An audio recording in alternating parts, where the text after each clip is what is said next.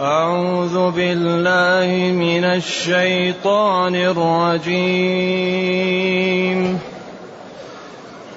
بسم الله الرحمن الرحيم. ألف لام. كتاب أنزلناه إليك لتخرج الناس من الظلمات لتخرج الناس من الظلمات إلى النور بإذن ربهم ۖ لتخرج الناس من الظلمات إلى النور بإذن ربهم إلى صراط العزيز الحميد. الله إلى صراط إلى صراط. إلى صراط العزيز الحميد. إلى صراط العزيز الحميد. لا تقف إذا قرأت بالجر. عيد عيد إلى صراط العزيز. إلى صراط. إذا قرأت بالجر صل لا تقف عليه. أيوة صلها بما قبلها. إذا قرأت بالرفع ابتدي. نعم. لتخرج الناس من الظلمات إلى النور بإذن ربهم إلى صراط العزيز الحميد. إلى صراط العزيز الحميد الله الذي له إلى صراط. إلى ص... بإذن ربهم إلى صراط إلى صراط العزيز الحميد الله الذي له. كتاب أنزلناه إليك لتخرج الناس من الظلمات إلى النور. من الظلمات إلى النور بإذن ربهم إلى صراط العزيز الحميد حميد الله الذي إلى صراط العزيز الحميد الله الذي له ما في السماوات وما في الأرض. وويل للكافرين من عذاب شديد. الذين يستحبون الحياة الدنيا على الآخرة ويصدون عن سبيل الله ويصدون عن سبيل الله ويبغونها عوجا. أولئك في ضلال بعيد. وما أرسلنا من رسول إلا بلسان قومه إلا بلسان قومه ليبين لهم فيضل الله من يشاء ويهدي من يشاء ويهدي من يشاء وهو العزيز الحكيم ولقد أرسلنا موسى بآياتنا أن أخرج قومك من الظلمات إلى النور وذكرهم بأيام الله إن في ذلك لآيات لكل صبار شكور. الحمد لله الذي أنزل إلينا أشمل الكتاب وأرسل إلينا أفضل الرسل وجعلنا خير أمة أخرجت للناس. فله الحمد وله الشكر على هذه النعم العظيمة والآلاء الجسيمة والصلاة والسلام على خير خلق الله وعلى آله وأصحابه ومن اهتدى بهداه. ما بعد فإن الله تعالى يبين نعمه وكرمه على هذا الخلق الذي أنزل إليهم كتابه الذي أخبر عنه في محكم تنزيله بقوله تعالى ألف لام را. ألف لام را كتاب أنزلناه إليك لتخرج الناس من الظلمات إلى النور بإذن ربهم إلى صراط العزيز الحميد. طبعا سبق الكلام على البسملة وقلنا إن الخلاف فيها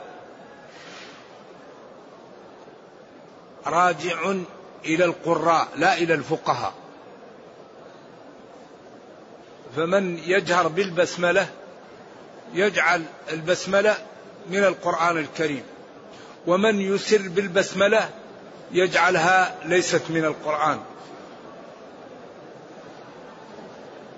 ولذلك الخلاف في البسملة كالخلاف في من وهو والواو في قوله وسارعوا وهو الله وجنات تجري من تحتها الأنهار.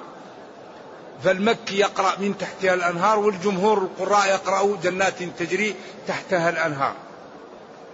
كذلك من بسمل ففي بعض القراءات البسملة من القرآن وفي بعض القراءات البسملة ليست من القرآن فمن لم يبسمل جعلها ليست من القرآن ومن جهر بها في الصلاة جعلها من القرآن والكل صحيح وثابت. نعم. ولذلك لطالب العلم أن يختار ما يرى ويرفق بالمخالف. الجنة أبوابها كم؟ ثمانية. والله جعل هذا الدين متسع. ولذلك قالوا وليس للقرآن تعزى البسملة وكونها منه الخلاف أي المخالف نقله. وبعضهم أي وبعض العلماء إلى القراءات نظر وذاك للوفاق بين الأقوال حكم معتبر. كما ذكر ذلك الحافظ بن حجر ونقله عنه ابن حلول ونظمه صاحب المراقي في مراقيه. إذا من جهر بالبسملة جعل البسملة من القرآن ومن أسر جعلها ليست من القرآن. وهذه قراءة وهذه قراءة والكل صحيح إن شاء الله. وبسم الله الرحمن الرحيم يعني أبتدئ قراءتي بتسمية المعبود بحق الذي شملت رحمته جميع الخلق وخص المسلمين برحمة خاصة في الدنيا والأخرى. بسم الله. أي أبتدئ قراءتي بتسمية الله. اسم اسم مصدر من سماه يسميه اسما. أصلها سماه يسميه تسمية. فهي هنا بسم الله اسم مصدر من سماه يسميه. إذا أبتدئ قراءتي مستعينا أو مصاحبا بتسمية الله المعبود بحق. بتسمية المعبود بحق. الذي شملت رحمته جميع الخلق وخص المسلمين برحمة خاصة. هذه بسم الله الرحمن الرحيم. ألف لام راء ألف لام راء كتاب أنزلناه إليك. ألف لام راء هو الكتاب. إذا أنتم أصحاب فصاحة وبلاغة. وهذا الكتاب مكون من الحروف التي تتكلمون بها ووصلتم في فهمها ومعرفة أساليبها وبصركم بالبلاغة بها العلياء فإن كنتم مكذبين به إيش؟ فأتوا بمثله.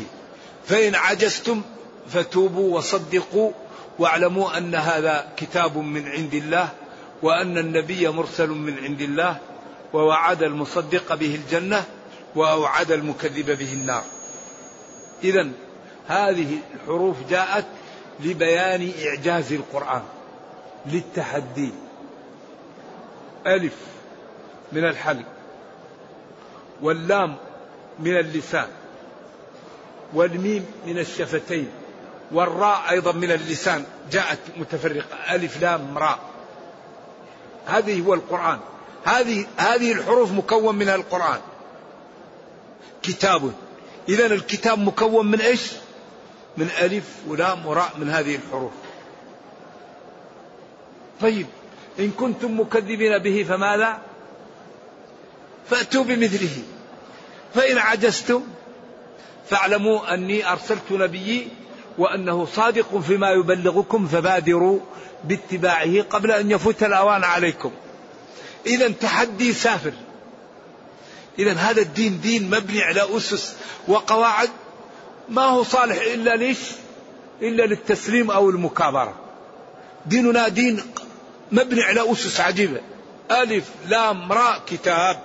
هذا الكتاب منها. كتاب عظيم. كتاب لا يأتيه الباطل. كتاب تبيان لكل شيء. كتاب يهدي للتي هي أقوم. فيه كل خير.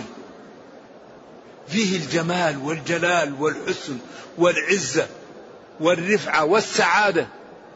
وفيه خبر ما بيننا وحكم ما بعدنا ونبأ ما قبلنا. من تمسك به ضمن الله له الجنة لا يضل ولا يشقى. وضمن لمن أعرض عنه أنه يعيش في الدنيا عيشة ضنكة ويحشر يوم القيامة أعمى. الذي يكون معرضا عن القرآن تكون حياته ضنكة وقت ضيق بيت ضيق حياة ضيقة. لا يجد انشراح لأنه في قلبه الجوع لله. لما خلق الله الخلق جعل قلوبهم لا تنشرح إلا بالتعلق به. فإذا تعلقت بغير الله ضاقت. لذلك قال تعالى ومن أعرض عن ذكري فإن له معيشة ضنكا. ولو غني لكن تكون الحياة الوقت ضيق والأكل ضيق والنوم ضيق والبيت ضيق وتجده دائما كأنه يساق إلى الموت بخلاف المسلم منشرح وحياة سعادة.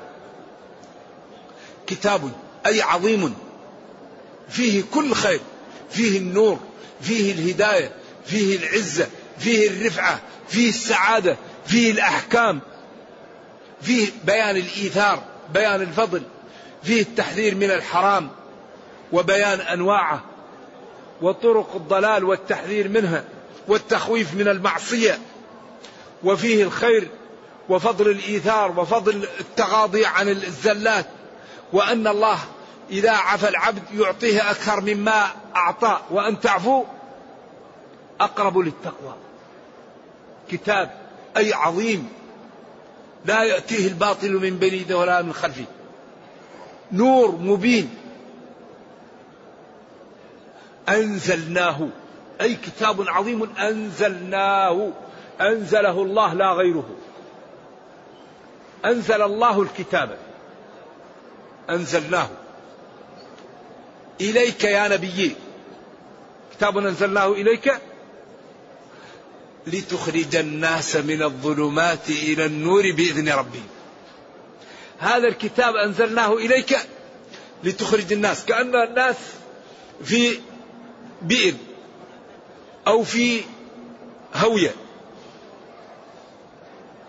وكأن الضلال والكفر مثل البئر أو مثل الهوية. لتخرج الناس من الظلمات إلى النور بإذن ربهم.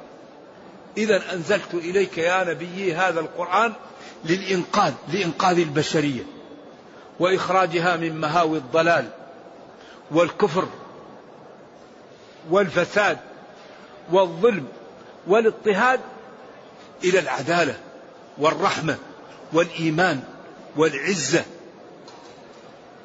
والسعادة. تخرج الناس من الظلمات الكفر وما يتبعه من الظلم ومن قساوة القلب ومن الاضطهاد ومن كل شيء إلى النور إلى الإيمان والعدالة والإنصاف والإيثار والعزة والرفعة بإذن ربهم بإرادة ربهم أو بعلم ربهم أو بهما معا تخرجهم إلى أين؟ إلى صراط العزيز الحميد. إذا أنزلت إليك يا نبي هذا الكتاب للإنقاذ. إذا هو كتاب للإنقاذ. كل شيء يضر تفتح المصحف تجده. كل شيء ينفع تفتح المصحف تجده. لذلك ما فرطنا في الكتاب من شيء. تبيانا لكل شيء. أولم يكفيهم أنا أنزلنا عليك الكتاب؟ يتلى عليهم فأجره حتى يسمع كلام الله. كل ما نحتاج إليه موجود في هذا الكتاب. إذا حري بنا أن ندرسه دراسة جادة. حري بنا أن نأخذ هذا الكتاب ونتتبعه. كلمة جملة جملة. ونقف عند كل محل. فإذا فعلنا ذلك الله جل وعلا يضمن لنا أمرين. يصلح لنا دنيانا ويصلح لنا أخرانا. وأي شيء أعظم من أن تصلح للعبد دنياه وأخراه. كتاب.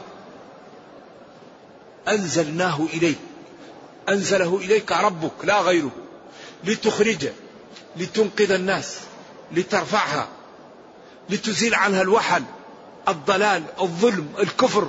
الطغيان إلى النور إلى السعادة إلى الإيمان إلى العدالة إلى العزة إلى الإنصاف إلى الجمال إلى الحسن. دين عجيب. بإذن ربهم بعلم ربهم وإرادته. إلى صراط إلى طراء إلى طريق العزيز الغالب الحميد المحمود. بجميل الأوصاف وجلائل النعم التي أسداها لخلقه. محمود كل إنسان يحمده غصبا عنه لأنه لا يستطيع أن يتمثل الهوى. إذا حبس النفس عنه يموت إذا حبس الغذاء إذا أجلع عنه الحرس جاءته الشياطين واجتالته له معقبات من بين يديه ومن خلفه يحفظونه. الحفظ صادر من أمر الله تعالى أنه يحفظ. إذا هذا الكتاب جاء للإنقاذ. ما دام الكتاب للإنقاذ لا بد أن نتبعه. فإذا تتبعناه نجد كل شيء يضر محذر منه. كبريات الأمور التي تضر الربا الكفر الفواحش. اعبدوا ربكم أول أمر في المصحف. فلا تجعلوا لله أندادا أول نهي في المصحف. وهذا معناه لا إله إلا الله مفرقة بأدلتها. وبعدها برهان محمد رسول الله عن طريق الإقناع والإنصاف وعن طريق مخاطبة العقول النيرة والأحاسيس الجياشة. فقال جل وعلا وإن كنتم في ريب مما نزلنا على عبدنا ما قال فقد كفرتم فأتوا. فإن لم تفعلوا في الماضي ولن تستطيعوا أن تفعلوا في المستقبل فهناك الخطر ماثل وقد أوعد المكذب به النار فاتقوا النار. وبين كيف يكون الصلاة وكيف يكون الوضوء وكيف تكون التعامل. وحذر من الربا لأنه خطير. وحذر من الفرقة لأنها خطيرة. وأمر بالتعاون وأمر بالتعارف وأمر بالتغاضي قال تعاونوا كونوا مع الصادقين. ونهى عن, عن الاختلاف ولا تنازعوا. فتفشلوا. لا يغتب بعضكم بعضا. لا يسخر قوم من قوم. لا تنابزوا بالألقاب. كل موارد العطب يحذر منها حتى تبقى الأمة متماسكة متآلفة. وقال كونوا مع الصادقين. إذا لم أعرف الصادقين كيف نكون معهم؟ فهو موضوع في قوالب عجيبة. لكن حري بنا أن نعطيه وقتا كتاب أنزلناه إليك لتخرج الناس من الظلمات إلى النور بإذن ربهم إلى صراط العزيز الحميد. إلى طريق إلى إلى طريق العزيز الغالب المحمود بجليل الأوصاف وبعظيم النعم وبكمال القدرة. الله الذي له الله الذي له. قرأ نافع وأبو جعفر ومعهم ثالث ويعقوب في حالة آه، الوقف. لتخرج الناس من الظلمات إلى النور بإذن ربهم إلى صراط العزيز الحميد الله الذي له. بدل من العزيز الحميد. وقرأه نافع. وأبو جعفر قبله. ومعهم ثالث ما أدري ابن عامر. الله الذي. ويعقوب طريق رويس أظن إذا وقف. قرأ الله الذي. إذا قال صراط العزيز الحميد رفع. قال الله الذي. وإذا وصل قال العزيز الحميد الله الذي له. ففي حالة الوصل يعني جر اسم الجلالة وفي حالة الوقف على العزيز الحميد رفع.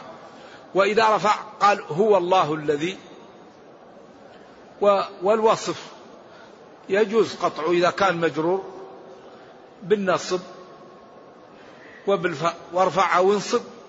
إن قطعت مضمرا مبتدأ وناصبا لن يظهر. لكن القرآن لا يستعمل في العربية إلا بالسماع القرآن ما كل ما يجوز في اللغة العربية يقرأ به القرآن. لا يقرأ القرآن إلا بما نزل به جبريل على النبي صلى الله عليه وسلم وعلمه محمد صلى الله عليه وسلم لأصحابه وتواتر على القول الصحيح. وكل ما وافق وجه نحوي وكان للرسم احتمالا يحوي وصح إسنادا بالتواتر. وإن قال جلة من العلماء بخلاف ذلك. فالقرآن حفظه الصحابة وسلموه للتابعين والتابعون سلموه لأتباعهم حتى وصل إلينا. فلا يقرأ عن طريق الآحاد. هذا هو قول المحققين وإن قال جماعة من العلماء بخلاف ذلك. الله المعبود بحق الذي له ما في السماوات وما في الأرض. إذا أنت أنزلت إليك هذا الكتاب من الله لتنقذ الناس والذي أنزله له ملك ما في السماوات وما في الأرض. الله الذي له ما في السماوات وما في الأرض. إذا ما دام له ملك ما في السماوات وما في الأرض فما أخبر به؟ من إكرام للمتقين حري أن ينفذ. وما أخبر به من عقوبة المجرمين حري أن ينفذ. الذي له ملك السماوات والأرض خلقا وقدرا وتصرفا ينبغي أن تجتنب نواهيه وأن تنفذ أوامره. الله المعبود بحق الذي له ما في السماوات وما في الأرض. خلقا وقدرا وتدبيرا وكلاء وحفظا. يعز من يشاء يذل من يشاء يقوي من يشاء يمرض من يشاء يحيي من يشاء يميت من يشاء. لا تأخذه سنة ولا نوم. له ما في السماوات وما في الأرض. ثم قال وويل للكافرين من عذاب شديد. ويل واد في جهنم. وعيد. كلمة تهديد. للكافرين جمع كافر من عذاب شديد. إن لم يتوبوا وإن لم يبادروا بالرجوع عن, التو... عن الكفر. ويل؟ واد في جهنم عقوبة هلاك شر. داهية للكافرين. الويل؟ ملك للكافرين أو تبع الكافرين. أو الكافرون تبع الويل. من عذاب شديد عقوبة شديدة. العذاب معروف والشديد القوي. ولذلك قال وما هم منها؟ قال لابثين فيها أحقابا لا يذوقون فيها بردا ولا شرابا. كلما ناضجت جلودهم بدلناهم جلودا غيرها. هذا إعجاز لأن الألم في الجلد الطبقة هذه فيها الألم. إذا انحرقت داخل الجلد ما فيه جسم.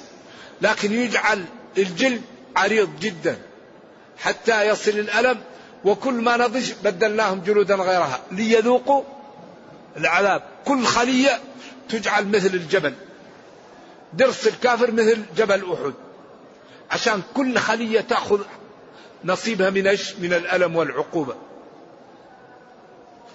أي فعقوبة وهلاك وتعذيب عظيم وكبير للكافرين، ويل لهم. يعني وعيد لهم وتهديد من عذاب شديد. من هم هؤلاء؟ هؤلاء الذين يستحبون الحياة الدنيا على الآخرة. ويصدون عن سبيل الله ويبغونها عوجا. شوف صفات هؤلاء الذين يستحبون الحياة الدنيا على الآخرة عنده دكان وأيام الموسم وقال المؤذن حي على الصلاة. ولو يقفل الدكان يمكن كم يخسر. وإذا كان الدكان في محل إيش؟ استراتيجي يستحبون الحياة الدنيا على الآخرة دعاه صديق ودعته أمه. أو دعاه واحد غني من جيرانه تاجر كبير. قال له أنا أبقاك بعد العصر وقالت له أمه أنا أبقاك بعد العصر. فهو هنا فضل إيش؟ هذا التاجر يمكن يحصل منه شيء والوالدة أمرها سهل. الذين يستحبون الحياة الدنيا على الآخرة. الحياة الدنيا. صفقة يضيع الصلاة. جاء واحد وبعدين أذن لذان. قل له أخي نصلي ونرجع نكمل الحديث. جاء واحد وأراد يقع في أعراض الناس قل له لا يا أخي خلينا نشتغل فيما ينفعنا. أعراض الناس تضرك وتضرني يا أخي. نشتغل في شيء ينفعنا. يختار الدنيا على الآخرة. فيسكت عن الحق يقبل الباطل. يقدم أمور الدنيا على الآخرة. ولذلك أكثر ما يزلزل الناس ويهمها ما هو؟ يهم الناس أمران الرزق والعمر. الرزق مضمون والعمر مضمون. طيب لماذا تتعب؟ إن أجل الله إذا جاء لا يؤخر. لن تموت نفس حتى تستكمل رزقها وأجلها. اتقوا الله وأجملوا في الطلب. إذا عندنا مطمئنات من الله. إذا نعمل لديننا نعمل لعزتنا نعمل لشرفنا. كل مشكلة وراها مال أو جاه.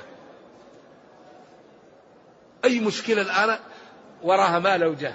المال لا يزيد ولا ينقص والعمر لا يزيد ولا ينقص. لما لا نشتغل لديننا؟ إذا هؤلاء الذين يستحبون الحياة الدنيا على الآخرة الكافرون ويل لهم. لذلك لا بد للمسلم أن يقدم الدين. المسلم الذي يريد أن يدخل الجنة وينجو لا بد أن يكون الدين فوق المال والولد. لا بد نجعل المال والولد تحت الدين. بعدين ننجو. أما إذا جعلنا المال والولد فوق الدين لا. إنما أموالكم وأولادكم فتنة والله عنده أجر عظيم. ما تجدون من المتع في المال والولد أعظم منه. ما عند الله من الأجر لو اتقينا الله في المال والولد.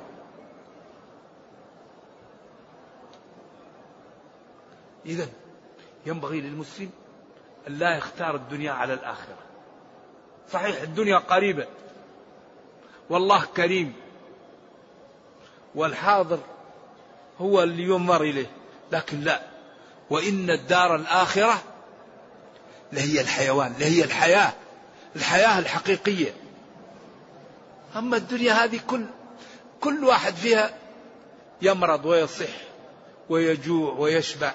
وينام ويسهر ويخاف ويطمئن. كل ثمانية تأتي للناس. سرور وحزن. ولذلك أحوال الدنيا متقاربة. لكن التفاضل والتغابن يوم القيامة. يوم يجمعكم ليوم الجمع. ذلك يوم التغابن. تغابن. تفاضل. لذلك ينبغي لنا أن لا نضيع الآخرة في الدنيا. وأضر من يضيع آخرته بدنيا غيره. هذا أسفل لا نضيع ديننا. لا لأنفسنا ولا لغيرنا. وثقوا تماما أن الله تعالى قادر وكريم. كريم. ولا يضيع أجر من أحسن عملا. ولا تخفى عليه خافية. ما في. كل واحد يأخذ نصيبه كامل الجزاء الأوفى. يومئذ يوفيهم الله دينهم الحق ويعلمون أن الله هو الحق المبين. كل إنسان يعطى حق. فنحن الآن في الدنيا فرصة. هذا الكتاب فيه العز. كتاب أنزلناه إليك لتخرج لتنقذ الناس. من الظلمات إلى النور بإذن ربهم إلى صراط العزيز الحميد. الله الذي له ما في السماوات وما في الأرض. وويل هلاك وعقوبة للكافرين من عذاب شديد مؤلم الذين يختارون الحياة الدنيا على الآخرة. ويصدون الناس عن سبيل الله بعض الناس إذا رآك متدين قال الناس احذروا تمشوا مع هذا في بعض البلدان. في بعض البلدان الذي يظهر السنة ما لا يعمل له يوقع به. يصدون عن سبيل الله عياذا بالله. هؤلاء إذا رأوا الإنسان متدين منعوه من ألو... من العمل. ضايقوه في عمله. بل في بعض البلدان أعاذنا الله وإياكم لصلاة الفجر والعصر ما كان يؤذن فيها. بلد مسلم يمنع الأذان. مشكل هذا. ولكن الله تعالى ضمن لمن عادى دينه أن يذله في الدنيا. نعم.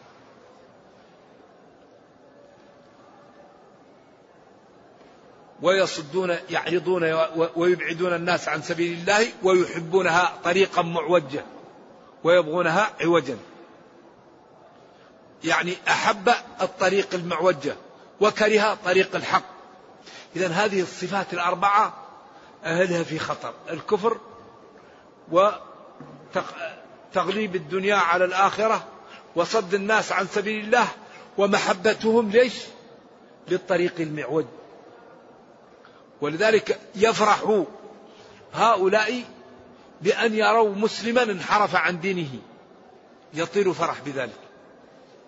ولن ترضى عنا آه، يعني الفرق الضالة حتى نتبعهم. إذا لم نتبع ملة الفرق الضالة لن يرضوا عنا. هذا إخبار الله تعالى لنا في كتابنا. إذا لا بد أن نتمسك بديننا وأن نعتز به.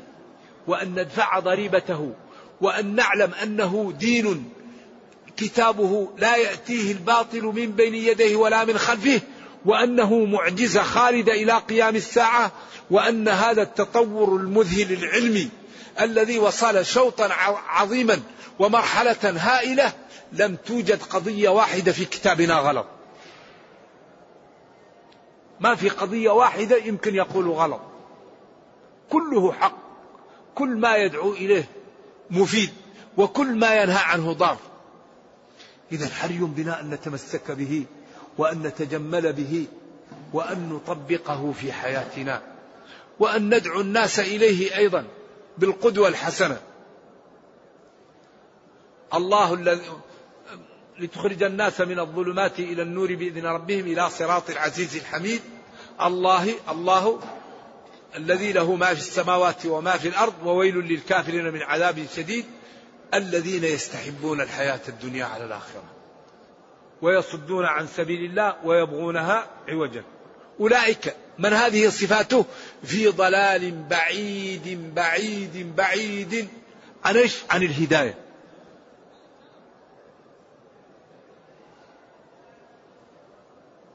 ثم اعترض عليهم أنهم يقولوا الرسول يعني كيف الرسول يكون مثل البشر ويكون؟ قال وما أرسلنا من رسول إلا بلسان قومه ما نرسل رسول ملك للبشر. ولو جعلناه ملكا لجعلناه رجلا وللبسنا عليهم ما يلبسون. لذلك وما أرسلنا ما أرسل الله من رسول إلا بلسان قومه إلا بلغة قومه ليبين لهم ويعرف بيئتهم وما هم فيه ولا ترسل الرسل كمان من أطراف الناس. أبدا. الرسول لا يمكن أن يكون إلا من أرومة القوم. حتى لا يكون مدعاه إيش؟ للسخرية والاستهزاء. ما يقولوا ابن الجزار أو ابن الحجام أو ابن الزبال. لا لا. لابد يكون معروف من البيوتات. وما أرسلنا من رسول إلا بلسان قومه.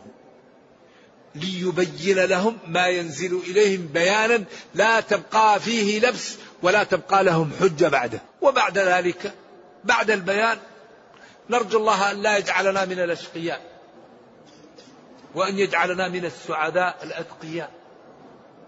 فيضل الله من يشاء إيش؟ ويهدي من يشاء. الله يبين والرسول صلى الله عليه وسلم أنزل عليه ربه البيان للناس. أما إدخال المعلومة في القلب والهداية هذه من خصائص الربوبية. لا يمكن أن يدخل المعلومة في القلب ويقبلها إلا من الله. أبو طالب كان يعلم أن نبينا صادق وجاء به من المدينة وكان يتيم. ولكن عياذا بالله للكبر والأنفة والتعلق بالآباء والشيوخ. قال أنا سيد الوادي كيف نتبع ابن أخي يتيم؟ أنا سيد وادي مكة وابن أخي يتيم كيف نتبعه؟ وقال هو عياذا بالله على دين الأشياخ على دين آبائه. قالوا يا عم قل لا إله إلا الله كلمة أحاج لك بها عند الله. يا عم قل لا إله إلا الله نقطة الصفر. فجاءه شياطين الجن وقالوا له أترغب عن ملة عبد المطلب؟ ثاروا فيه الجاهلية النخوة. ذلك المسلم إذا سمع قال الله قال رسول الله لا يقول قال أبي. لا يقول قال شيخي لا يقول عندي في المذهب يقول سمعا وطاعة أو هذا الدليل معارض بدليل كلام من الكتاب والسنة. لأن الكتاب والسنة لا تعارض إلا بما لا بالكتاب والسنة. والدليل على أن أبا طالب كان يعلم قال ولقد علمت بأن دين محمد صلى الله عليه وسلم من خير أديان البرية دينا لولا الملامة. لولا الملامة أو حذار مسبة لوجدتني سمحا بذاك مبينا. الملامة هذا سيد قومه يتبع بن أخيه يتيم لا الدين ما هو كذا. الله يقول اتبعوا ما أنزل إليكم. اتبعوا ما أنزل إليكم. خلاص. إذا جاء نهر الله بطل نهر معقل. دعوا كل قول عند قول محمد فما آمن في دينه كمخاطري لذلك ينبغي لنا أن نتمسك بالكتاب والسنة. أي واحد يقول لك شيء قل له أعطيني الدليل. قال لك كتاب والسنة على العين على الرأس. ما في كتاب وسنة الله أنزل اليوم أكملت لكم دينكم. وقال لنبيه لتبين للناس ما نزل إليهم ألا إني أوتيت القرآن ومثله معه. لذلك أي شيء اختلف فيه نعود للنصوص ونحله. إذا أنصفنا ورجعنا للنصوص لا يبقى بيننا شيء. لكن مشكلة واحد يقول لك شيخي أنت أعلم من فلان. أنت أعلم من فلان ما هي جواب قل لي قال الله قال رسول الله. قل لي دليل أما أنت أعلم من فلان. ما هو؟ لذلك يقول جل وعلا وما أرسلنا من رسول إلا بلسان قومه ليبين لهم. كل الرسل تبين. ولذلك في حجة الوداع يقول اللهم فاشهد ألا هل بلغت اللهم فاشهد بعدين فيضل الله من يشاء ويهدي من يشاء. يضل الله من أراد إضلاله ويهدي من أراد هدايته. ولذلك النبي صلى الله عليه وسلم قال لأستغفرن لك. فأراد يستغفر ليش؟ لعمه. فنزلت ما كان للنبي والذين آمنوا أن يستغفروا للمشركين. والحديث في البخاري. ولو كانوا أولي قربى من بعد ما تبين لهم أنهم أصحاب الجحيم. من بعد ما أنهم ماتوا على الكفر.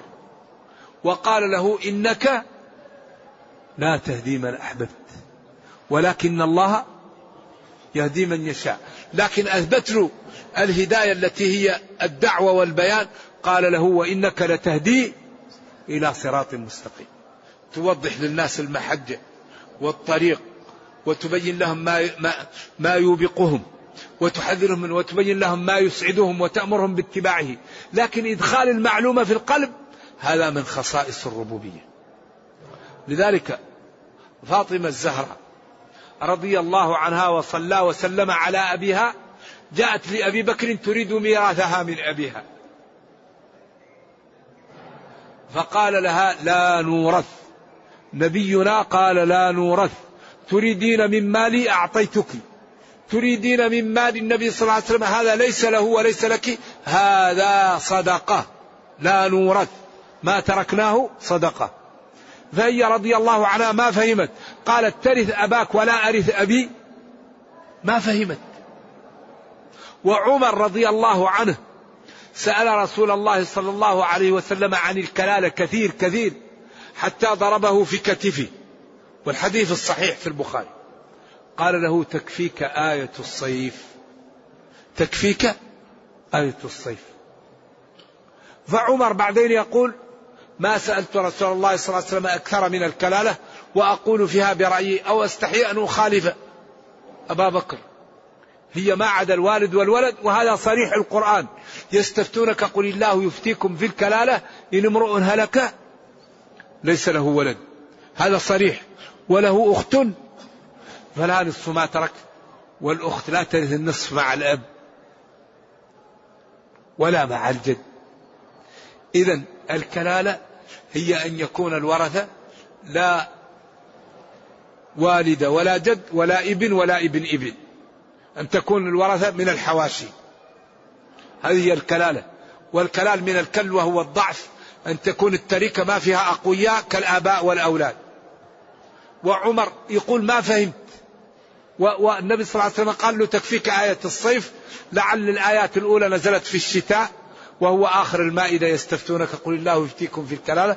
ثم قال ليس له ولد وله أخت فلها نصف ما ترك. هذا صريح في أن ما فيه ولد ولا والد. إذا إيصال المعلومة في القلب هذا من خصائص الربوبية. لذلك من دعائه صلى الله عليه وسلم يا مقلب القلوب ثبت قلوبنا على دينك. فيضل الله من يشاء ويهدي من يشاء وهو العزيز. الغالب الحكيم في تشريعه في أوامره في نواهيه حيث يضع الأمور في واضعها تشريع سهل ويسامح خلقه. ومن تاب تاب الله عليه. ومن اضطر الأبواب مفتحة. أمر بالستر وأمر بالتعاون وأمر بالصبر ونهى عن الظلم وأمر بشكر النعم من صنع لكم معروفا فكافئوه. من ستر على مسلم ستره الله. إن الذين يحبون أن تشيع الفاحشة في الذين آمنوا لهم عذاب أليم في الدنيا والآخرة. دين غاية في الجمال والحسن وقوة التشريع وشموله. لكن لا بد أن نعطيه وقت. لا بد أن ندرس هذا الكتاب. لا بد لا نهجر القرآن. لا بد أن ندرسه نتأمله نتدبره. نعرف ما هو الواجب ما الحرام ما المندوب ما المكروه. كيف نربي أنفسنا على هذا الكتاب؟ ثم قال ولقد أرسلنا موسى بآياتنا. والله لقد أرسلنا موسى بن عمران هذا النبي الكريم بآياتنا بالإنجيل أو بالتوراة. موسى بالتوراة وعيسى بالإنجيل أيوة. أرسلنا له بالتوراة. وقلنا له أن اخرج قومك من الظلمات إلى النور. أن بأن أخرجهم من الظلمات من الكفر ومن الضلال إلى النور إلى الإيمان. وذكرهم بأيام الله. أيام الله أحسن ما يقال فيها بالنعم والنقم. لأن الأيام تقال للنعم وتقال للنقم. ذكرهم بنعم الله وبنقمه. بنعمه على من أطاعه. واستقام على دينه وبنقمه على من كفر به ولم يمتثل أوامره ولم يكف عن نواهيه. والله لقد أرسلنا موسى بآياتنا. أنزلنا عليه التوراة. وقلنا له نبه قومك بنعمه عليهم وبنقمه على من لم يؤمن به. إذا الراجح أن الأيام هنا تقال للنعم والنقم وللوعد والوعيد. ومن العلماء من قال الأيام هنا النعم ومنهم من قال الأيام هذه هي النقم. ومنهم من قال للجميع وهذا أولى لأن القرآن حماد.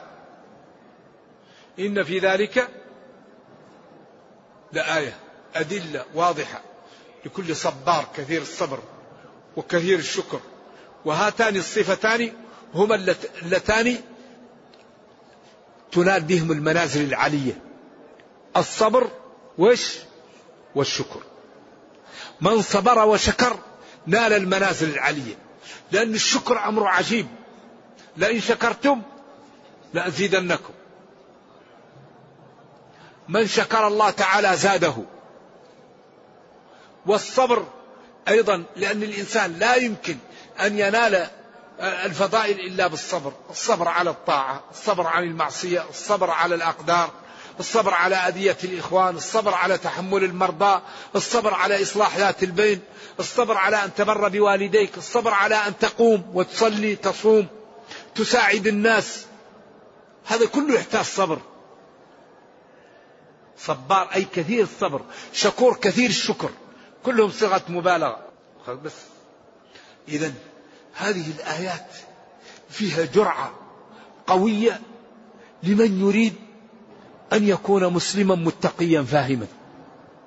الذي يريد أن يكون مسلما غير كافر متقي غير فاجر فاهما غير مغفل هذه الآيات فيها جرعة قوية.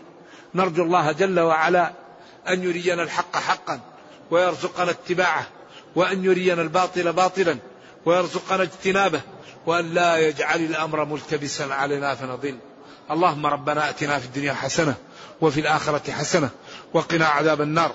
سبحان ربك رب العزة عما يصفون وسلام على المرسلين والحمد لله رب العالمين.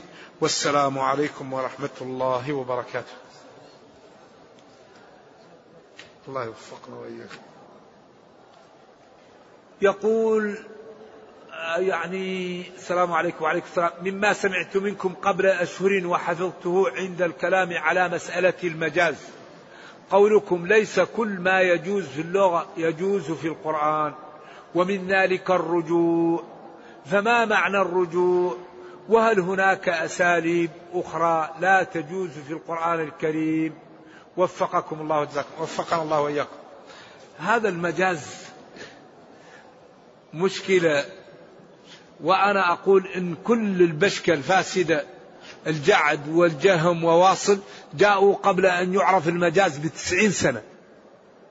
إذا كل هذه الفرق عرفت قبل أن يعرف المجاز. والرجوع هو من البديع المعنوي. وهذا الأسلوب حتما لا يجوز أن يكون في القرآن.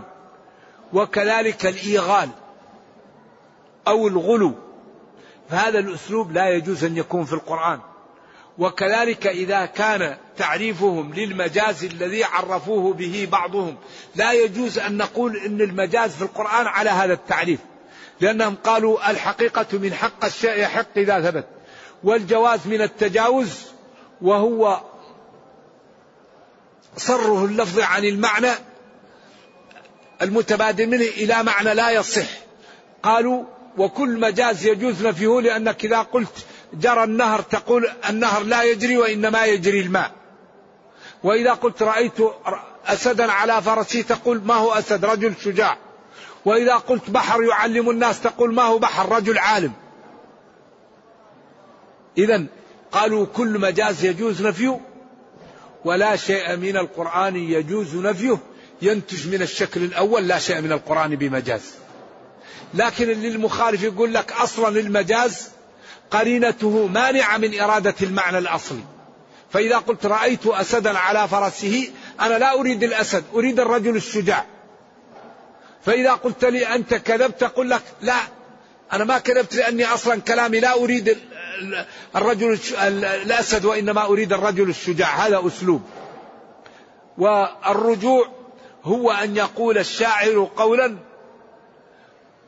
ويكون عقله ذاهبا لتأثره بأمره الذي يريد سواء لمحبوبه أو لمفقوده أو لغيره ثم يعود له عقله فينقض نفسه ويرجع عن ذلك. كما قال الشاعر قف بالديار التي لم يعفها القدم. ثم رجع له عقله ونقض كلامه وقال بلى وغيرها الرواح والديم. فهذا البديع المعنوي لا يجوز أن يكون في القرآن هذا الكلام.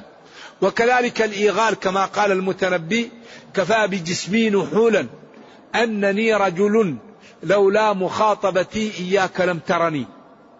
لو لم أتكلم لا تراني.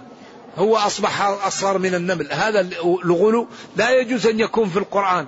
إذا ما كل ما يجوز في اللغة العربية يجوز في القرآن لأن هناك أساليب في اللغة لا تجوز أن تكون في القرآن. واضح؟ نعم. وقضية المجاز هذه الحقيقة.